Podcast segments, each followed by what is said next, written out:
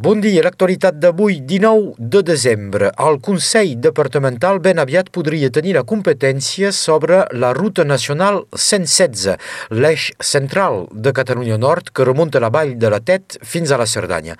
Els elegits nord-catalans van votar una deliberació per confirmar la voluntat de recuperar la gestió d'aquesta ruta al prefecte de la regió. Aquesta demanda formalitzada ha de ser ara acceptada pels serveis de l'estat francès que es podrien pronunciar anunciar d'aquí a pocs dies. Un manifest pel tren groc. El comitè dels usuaris de la línia el va presentar la setmana passada. Intitulat El tren que necessitem, el manifest va ser distribuït al conjunt dels elegits del Conflent, de la Cerdanya i del Capcí. Els usuaris demanen que el tren groc sigui considerat com una via de transport essencial, un TER de muntanya i no només un tren turístic. També reclamen preus reduïts pels residents del territori que es prohibeixi vendre les estacions públiques sul traçat i que s'inverteixi per renovar les locomotores. I continuem amb eh, transports, amb una iniciativa de la municipalitat de Canus, ara propietària d'un minibús elèctric principalment dedicat a la gent gran, un transport a la demanda per anar a fer compres o anar a cites medicals, per exemple. El vehicle 100% elèctric servirà també per transportar els mainatges durant les sortides escolars. En economia, la prestigiosa Universitat Harvard estudiarà de ben a prop el cas català. L'Escola de Negocis va anunciar que llençaria un estudi exhaustiu sobre l'èxit de la política catalana de clusters. L'estratègia de col·laboració de les empreses catalanes interessa als universitaris americans. Catalunya va apostar pels clusters d'empreses ara fa 30 anys, cosa que en fa una referència en l'economia mundial. A Palamós, una acció del col·lectiu SOS Costa Brava que va sembrar creus blanques a tota la Pineda d'Angori. La municipalitat té el projecte de construir un immoble de 24 apartaments.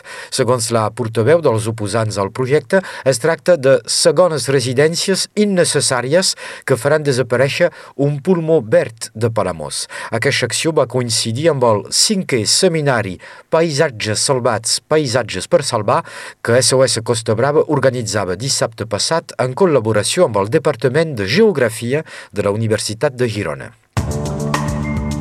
I acabem amb el programa del 10 sobre 10 d'avui. Començarem amb una tarda de jocs amb l'associació La Casa del Joc, un espertina jazz amb Céline Durand i Sébastien Falzon, un taller pel jovent conduït per la Muriel Perpinyà i més endavant gospel amb els 40 coristes de la Casa Musical.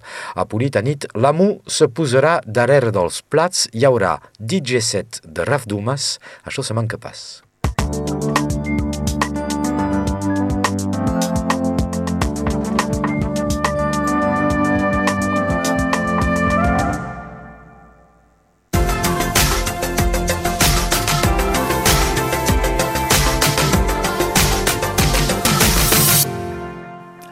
La previsió del temps eh, per aquest eh, dilluns, eh, poca cosa a dir, és a dir, que encara no arriben aquestes pluges que tant falta fan, un dia majoritàriament assolellat, just alguns vels puntualment intentaran reduir un poc la sensació de calor que ens donarà el sol, sobretot del banc del Conflent i a la costa, hem parlat ben bé de calor, ja que les màximes d'aquesta tarda s'anuncien eh, del voltant dels 16 graus a la plana del Rosselló i a la costa, 16 graus en alguns punts del Vallespí, 12 al Conflent eh, i al Vallespí, 9 graus a l'Alconflent, a Cerdanya, 7 graus eh, pel que fa de les temperatures màximes d'aquesta tarda al Capcí.